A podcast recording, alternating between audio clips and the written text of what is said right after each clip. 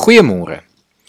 Ons het Dinsdagoggend stil gestaan by die sondeval, die oomblik wat die perfekte skepping gebreek het. Dit het veroorsaak dat soveel boosheid in ons wêreld teenwoordig is en daarom dat daar soveel slegte dinge in hierdie lewe gebeur.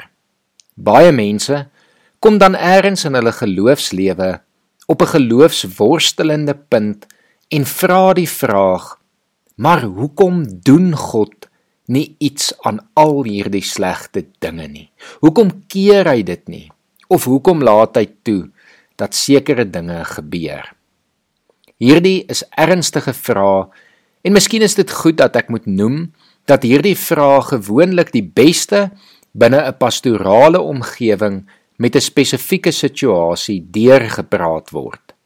Ek kan ook onmoontlik nie vanoggend 'n volledige antwoord op hierdie ernstige teologiese vraag gee nie. Maar ek dink dit is tog belangrik om die kernwaarheid en belydenis van God hier te bespreek en vandag verder daaroor na te dink. Die feit van die saak is dat God wel besluit het om iets aan die totale gebrokenheid en situasie van hierdie wêreld te doen. Hy het besluit om die mensdom van die gevolge van die sondeval, naamlik die dood, te red. Hy het 'n plan gemaak sodat dit nie ons einde hoef te wees nie. Vir elke mens het hy gesterf en die dood oorwin sodat ons saam met hom vir ewig kan lewe.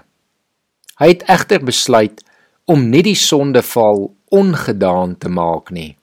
Want al hoe hy dit sou kon doen, is deur die menslike vrye wil weg te neem en daarmee saam sou 'n liefdesverhouding ook verdwyn. God kies dus om ter wille van ons verhouding met hom steeds vir ons die keuse te gee oor of ons hom gaan dien of nie. Indien ons kies om aan hom gehoorsaam te wees en hom te dien, dan probeer ons om die wêreld so goed as moontlik te beïnvloed en deel te maak van God se koninkryk. Maar ongelukkig kies baie ander mense teen God en daarmee saam veroorsaak dit baie seer teenoor ander mense. Ons vind ons troos egter daarin dat ons van hierdie wêreld verlos is, dat ons van ons eie gebrokenheid verlos is en ons hou vas aan die wete dat ons 'n ewige tuiste sal hê waar daar geen meer pyn of smart of leed sal wees nie.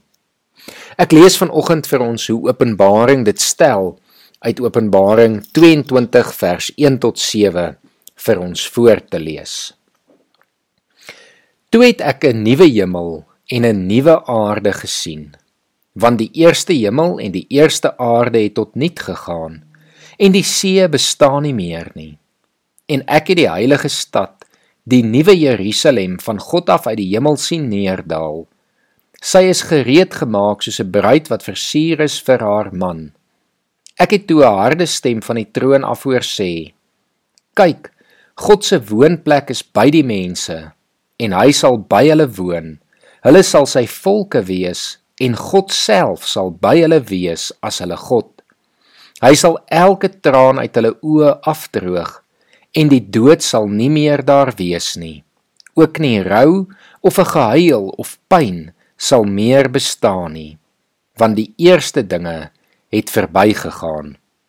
Hy wat op die troon sit het gesê: "Kyk, ek maak alles nuut." En hy het ook gesê: Skryf neer dat hierdie woorde betroubaar en waar is. Verder het hy vir my gesê: Dit is afgehandel. Ek is die Alfa en die Omega, die begin en die einde. Die wat dors is, sal ek laat drink uit die fontein van lewegewende water. Verniet. Wie oorwin, sal hierdie dinge beerf en ek sal sy God wees en hy sal my kind wees. Kom ons bid saam. Here, dankie dat ons vanoggend kan weet dat U iets gedoen het. Dat U alles wat nodig was gedoen het. Here, dat U gesterf het, maar die dood oorwin het sodat ons kan lewe. Here, daar is niks in hierdie lewe wat uiteindelik ons sal vashou nie, want U het ons in U hande vrygemaak en vrygespreek. Here, ons sien uit na ons toekoms saam met U. Maar Here, ons is bewus dat ons nou nog in 'n gebroke wêreld lewe met soveel seer en pyn.